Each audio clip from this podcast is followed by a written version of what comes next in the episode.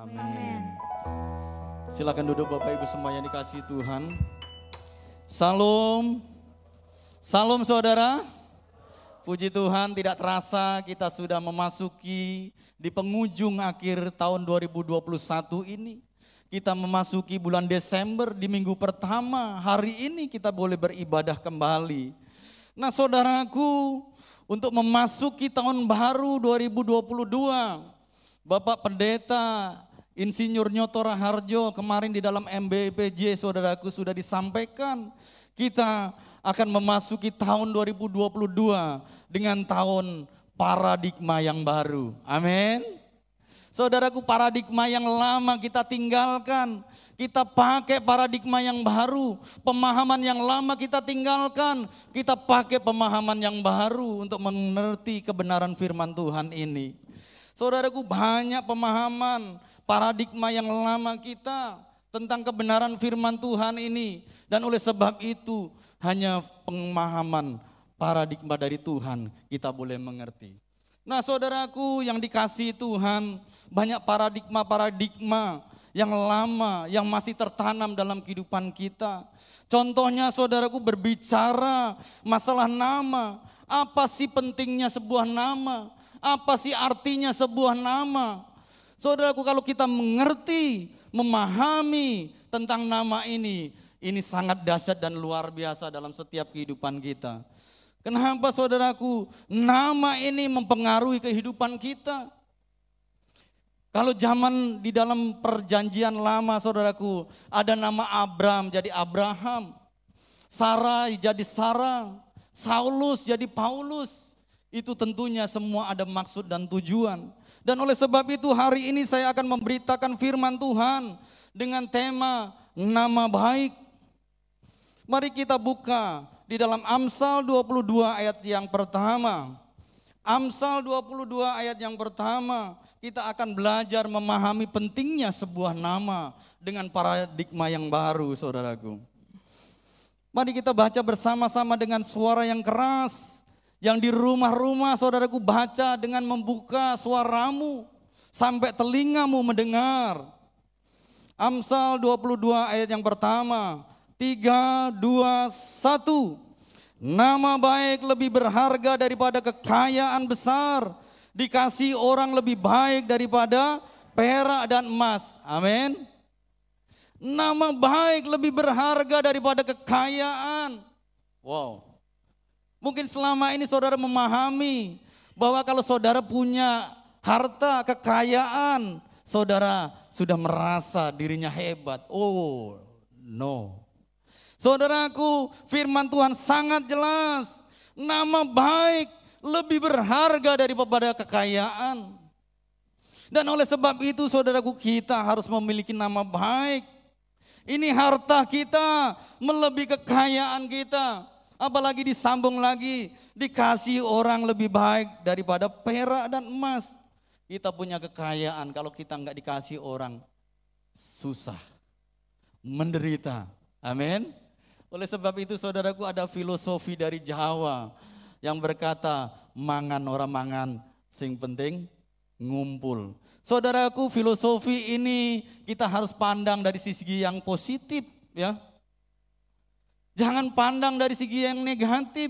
Artinya saudaraku, kalau kita saling mengasihi, sering kita berkumpul. Dan ada sesuatu berkat Tuhan kalau kita sedang bersatu hati berkumpul. Nah saudaraku oleh sebab itu kita harus belajar menjaga nama baik kita di mana pun kita Tuhan tempatkan. Supaya kehidupan kita boleh berdampak dan menjadi berkat. Nah saudaraku ada peribahasa lama juga mengatakan harimau mati meninggalkan Harimau mati meninggalkan belang. Gajah mati meninggalkan gading. Orang manusia mati meninggalkan nama. Jangan lupa ini saudaraku. Ini pelajaran mungkin sudah kita dapatkan di sekolah dasar. Amin. Harus kita mengerti harus kita pahami. Kalau orang meninggal saudaraku selalu yang dikenang adalah namanya.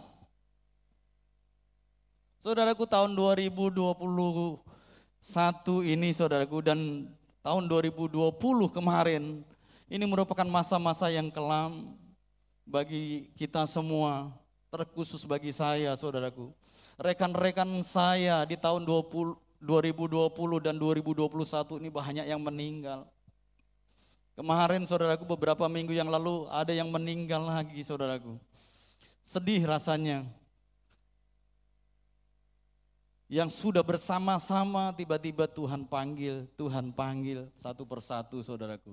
Umurnya masih muda, bahkan umurnya masih di bawah saya saudaraku, Tuhan sudah panggil.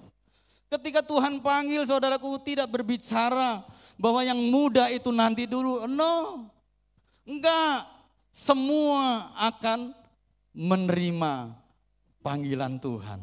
Tinggal waktunya saudaraku. Bahkan saudaraku ketua sinode kita, Pak Rubi Adim jo.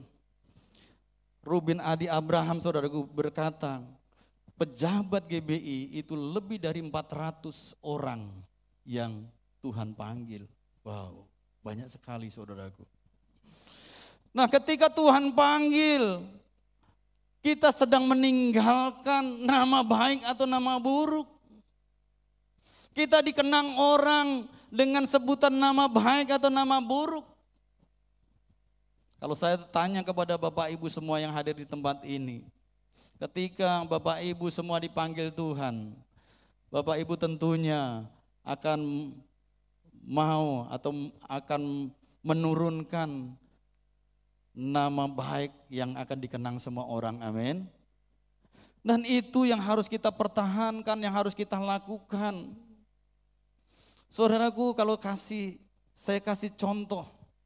Seorang olahragawan, katakanlah itu seorang pelari maraton 10 kilometer. Kemenangannya tidak ditentukan saat start. Kemenangannya tidak ditentukan saat mulai dia langsung lari kencang. Kemenangannya juga tidak ditentukan di saat dia mencapai 5 kilometer dengan posisi nomor satu. Tapi kemenangannya ditentukan ketika dia melewati garis finish. Baru dikatakan menang. Jangan sampai kita juga lengah. Kehidupan kita masih panjang. Jangan sampai kita santai. Ketika Tuhan panggil saudaraku, kita dalam posisi sedang berdosa, waduh, kehidupan saudara akan dikenang banyak orang, oh manusia berdosa. Manusia berdosa yang sedang dipanggil Tuhan. Kita harus meninggalkan hal yang positif ketika Tuhan panggil, oh ini orang baik. Ini orang sangat baik. Saudara sedang beribadah di tempat ini, sedang menghimpun hal-hal yang baik. Semakin saudara rajin beribadah, maka orang akan mengenal, mengenang saudara dengan orang yang baik, rajin beribadah. Ini orang rajin, setia,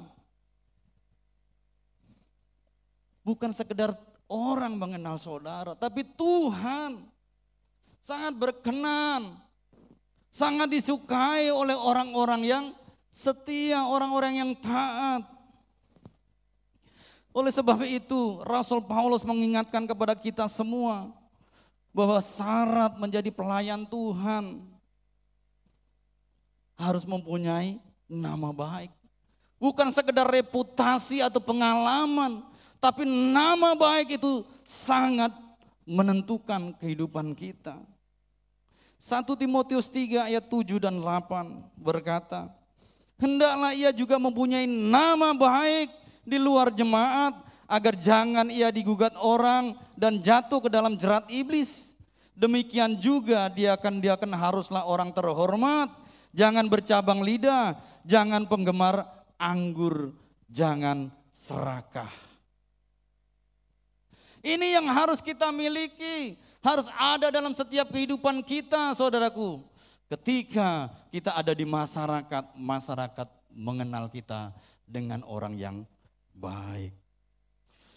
Nah begitu juga saudaraku di dalam Titus 1 ayat 5 sampai 6 di sini dikatakan Aku telah meninggalkan engkau di kereta dengan maksud ini supaya engkau mengatur apa yang masih perlu diatur dan supaya engkau menetapkan penatua-penatua di setiap kota seperti yang telah kupesankan kepadamu yakni orang-orang yang tak bercacat yang mempunyai hanya satu istri yang anak-anaknya hidup beriman dan tidak dapat dituduh karena hidup tidak senonoh atau hidup tidak tertib.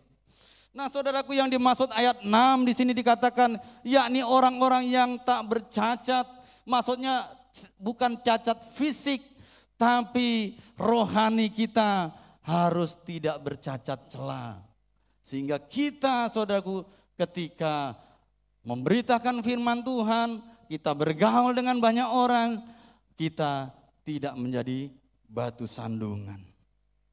Tapi berdampak bagi orang-orang yang sekitar kita. Bagaimana orang di luar sana melihat Yesus yang tidak kelihatan. Mereka senantiasa lihat kehidupan kita, orang-orang percaya, orang-orang Kristen. Oh, hidupnya penuh dengan kasih. Nah, oleh sebab itu apa pentingnya nama baik dalam hidup kita?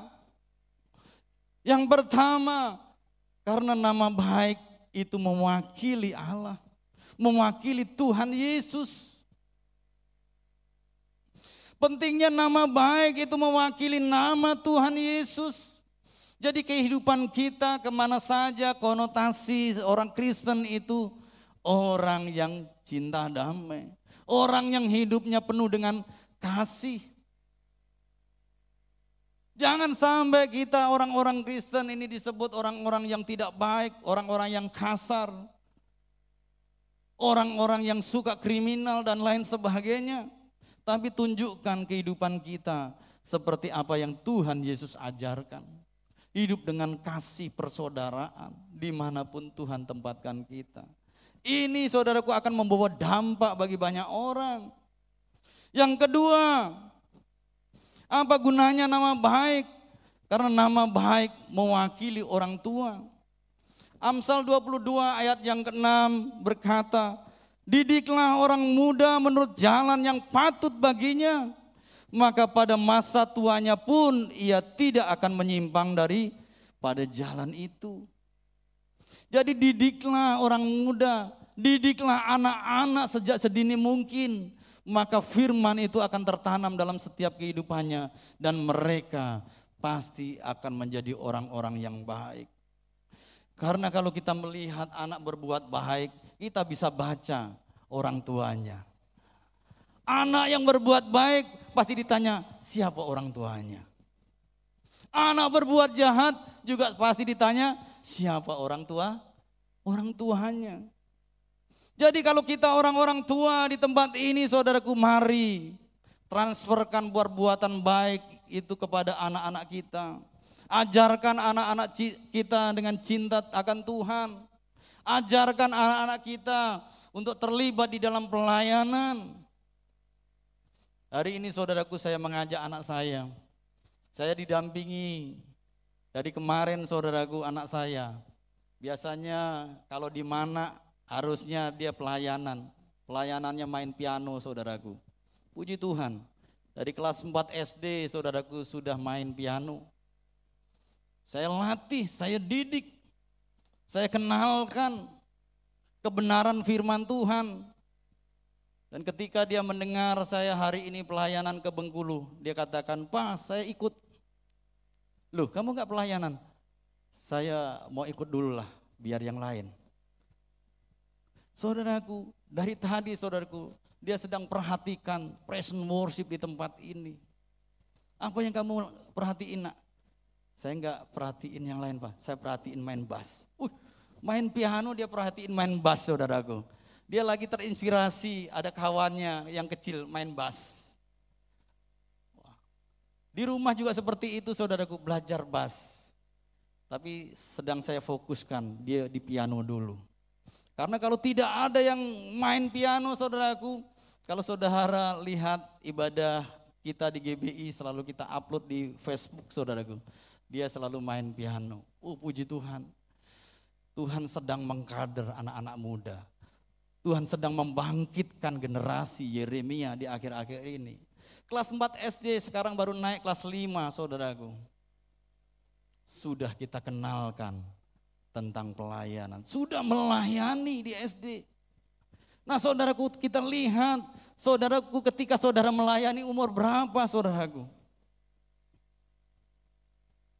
Atau belum melayani kesempatan saudara hari ini untuk ambil komitmen, ambil bagian untuk melayani pekerjaan Tuhan.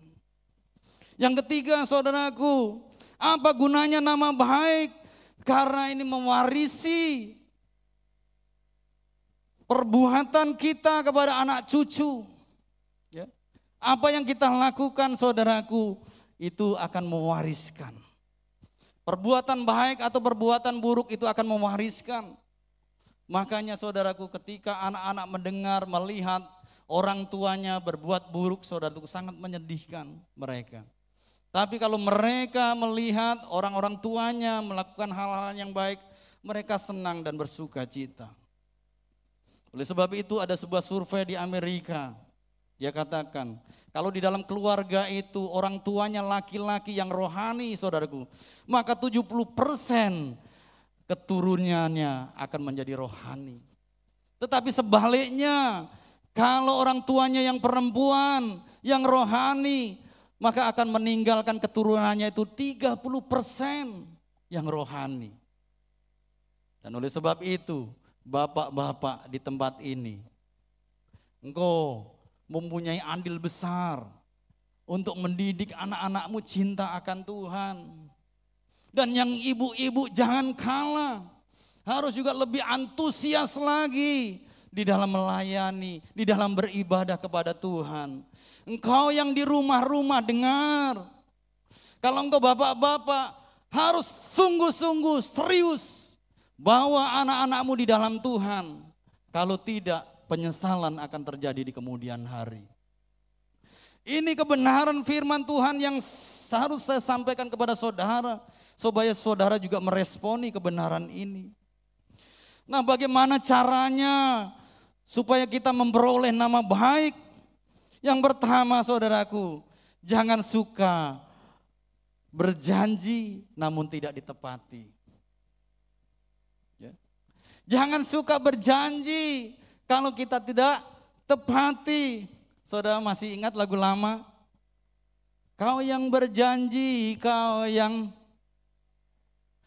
Kau yang mulai, kau yang mengakhiri, sungguh, sungguh terlalu saudaraku. Ya. Kalau kita sudah memulai, kita harus mengakhiri. Kalau kita sudah berjanji, saudaraku, kita harus te tepati. Jangan suka saudaraku berjanji, dikit-dikit berjanji, apalagi yang anak-anak muda ini saya. Lihat, saya dengar tuh dikit-dikit, kalau suka, I love you. Minggu depan udah I you. Wow, saya bilang gitu. Dikit-dikit I miss you, I miss you. Seperti gampang sekali mengucapkan kata suka, tapi tidak dilakukan. Jadilah manusia-manusia yang dapat mempertanggungjawabkan atas ucapan kita. Amin. Amin. Yang kedua, saudaraku, bagaimana caranya memperoleh nama baik? Yang kedua, pilihlah kata-kata yang tepat yang akan kita ucapkan. Jadi dengan kata lain, mikir dulu baru berkata-kata. Jangan berkata-kata dulu baru mikir. Kita ini suka kebalik-balik. Amsal 18 ayat 21 berkata, Hidup dan mati dikuasai lidah. Siapa suka menggemakannya akan memakan buahnya. Suka menggemakan artinya suka ngomong. Hati-hati, omongan kita ini positif atau negatif, itu yang akan kita terima. Begitu juga sebuah survei di Amerika, saudaraku mengatakan bahwa wanita itu lebih banyak berkata-kata. Satu hari wanita itu 20 ribu kata yang harus keluar dari mulutnya. Sedangkan laki-laki saudaraku satu hari ini hanya 7 ribu kata yang keluar dari mulutnya. Wow. Kalau ada ibu-ibu di sini, perempuan-perempuan di sini belum mencapai 20 ribu, rasanya kok kurang kurang enak badannya. Ya karena seperti itu diciptakan oleh Tuhan. Ada protein yang namanya fok itu lebih banyak dibandingkan seorang laki-laki. Maunya hanya ngomong. Makanya kalau kita ajak ibu-ibu untuk apa namanya sharing itu lebih seneng. Apalagi yang di luar sana itu kalau lagi ngobrol di arisan-arisan itu, waduh bisa berjam-jam saudaraku ngomong ngalor ngidul ke sana kemari, banyak yang diomongkan. Beda laki-laki saudaraku. Makanya kalau bahasa itu, ini kalau wanita lebih jago untuk ngarang. Untuk membuat cerpen dan lain sebagainya. Kalau bahasa Indonesia pasti saya lihat wanita-wanita lebih pandai untuk bercerita. Saudaraku tata bahasa saya itu kacau. Kemarin waktu kita apa namanya pendaftaran mahasiswa baru S2 saudaraku. Saya belajar lagi saudaraku. S2 ketika ujian saudaraku bahasa Indonesia saya sudah cukup dibanding pengetahuan Alkitab. Jadi bahasa Indonesia khususnya laki-laki memang sedikit kurang baik gitu. Oleh sebab itu mari pergunakan waktu kita mengucapkan hal-hal yang baik. Kata-kata yang kita ucapkan itu juga harus baik, keluar yang baik, keluar yang manis. Di dalam penyampaian firman Tuhan ini saya akhiri sebuah kesaksian, pengalaman hidup saya. Beberapa tahun yang lalu saudaraku di samping gereja kita di mana itu dibangun sebuah perumahan. Karena di samping betul itu saudaraku, saya ambil dua unit perumahan itu. Karena masih perlu dibangun di belakangnya, di depannya juga perlu dibangun lagi saudaraku. Akhirnya saya tanya kepada jemaat kita siapa yang ada tukang. Kebetulan jemaat kita ini jauh jaraknya dari uh, gereja, satu jam perjalanannya di dusun, di desa dia tinggalnya. Oh ada pak, ada tukang yang bagus. Oh boleh. Kalau gitu suruh dia kerja. Setelah dia kerja saudaraku, lama-lama saudaraku apa yang dilakukan itu tidak sesuai dengan apa yang saya inginkan. Tapi tetap saya sabar. Sudah kerjanya nggak bagus saudaraku, alasan jarang masuk, sering nggak kerja. Saya tanya, kenapa nggak kerja? Motornya rusak pak. Oh gitu ya. Ya udah pakai motor saya, saya pinjamin motor. Terus dia lakukan. Bahkan motor itu dipakai sampai selesai pekerjaan. Dan pekerjaannya pun itu banyak yang salah. Manusia saya pingin marah tentunya. Tidak sesuai dengan apa yang saya inginkan. Sudah saya maunya seperti ini, dia jawab. Dia kerjakan yang lain saudaraku. Saya tetap sabar, saya lakukan komunikasi. Singkat cerita saudaraku, walaupun lebih dari yang dijanjikan harusnya selesai itu dua bulan, tapi dia kerjakan tiga bulan. Tidak apa-apa. Selesai saudaraku komunikasi kita baik, kita jalin hubungan dengan baik. Nah tiba-tiba kemarin saudaraku dua minggu yang lalu ada jemaat kita yang punya anak menikah dan sudah diberkati di Jawa saudaraku, di Jogja, dan acara resepsinya itu di di daerah itu, di desa. Saya diundang untuk memimpin ibadah pernikahan sebelum makan bersama kita ibadah dulu pak. Bilang itu oh baik saya gitu. Saya nyampe saudaraku saya kaget karena sudah dibikin panggung di depan rumahnya sampai makan jalan. Panggung besar. Saya lihat rupanya keyboard yang saya kirim sudah diletakkan di panggung tersebut. Jadi semua orang saudaraku sudah hadir. Seluruh desa, namanya juga orang desa saudaraku itu datang dari berbagai desa, datang diundang saudaraku. Jadi orang ratusan sudah ada di situ dan menantikan ibadah. Saya pikir ibadahnya itu di dalam rumah karena keluarga kecil gitu. Lalu saudaraku, pujian penyembahan disampaikan,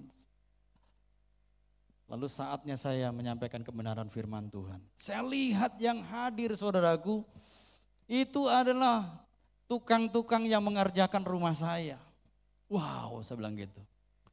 Saya kaget, coba kalau dulu saya maki-maki, ya, dia kerja salah saya maki-maki.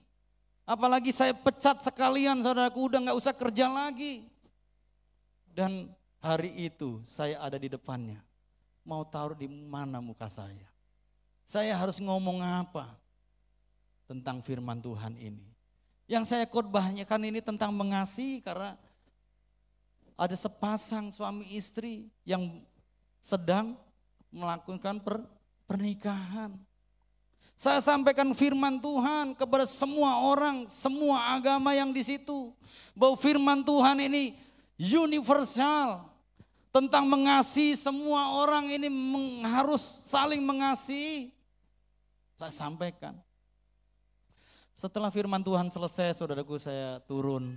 Rupanya masih ada kata sambutan, kata sambutan ya dari ketua panitia, dari tokoh-tokoh masyarakat, dari kepala desa dan lainnya. Semuanya disebut saudaraku, terima kasih Pak Pendeta, terima kasih Pak Pendeta. Saya kaget saudaraku, selama ini saya nggak pernah memperkenalkan diri saya ini pendeta. Tapi mereka kenal, mereka tahu ketika saya berkhotbah di situ. Tokoh-tokoh masyarakat saudaraku. Nah ini pentingnya kita menjaga nama baik kita. Pentingnya kita menjaga perkataan kita supaya kita boleh menjadi berkat dan berdampak bagi orang-orang yang di sekeliling kita. Amin. Mari saya undang bangkit berdiri kita akhiri firman Tuhan dengan doa. Sungguh kami mengucap syukur Bapak Surgawi. Hambamu sudah selesai menyampaikan kebenaran firman-Mu.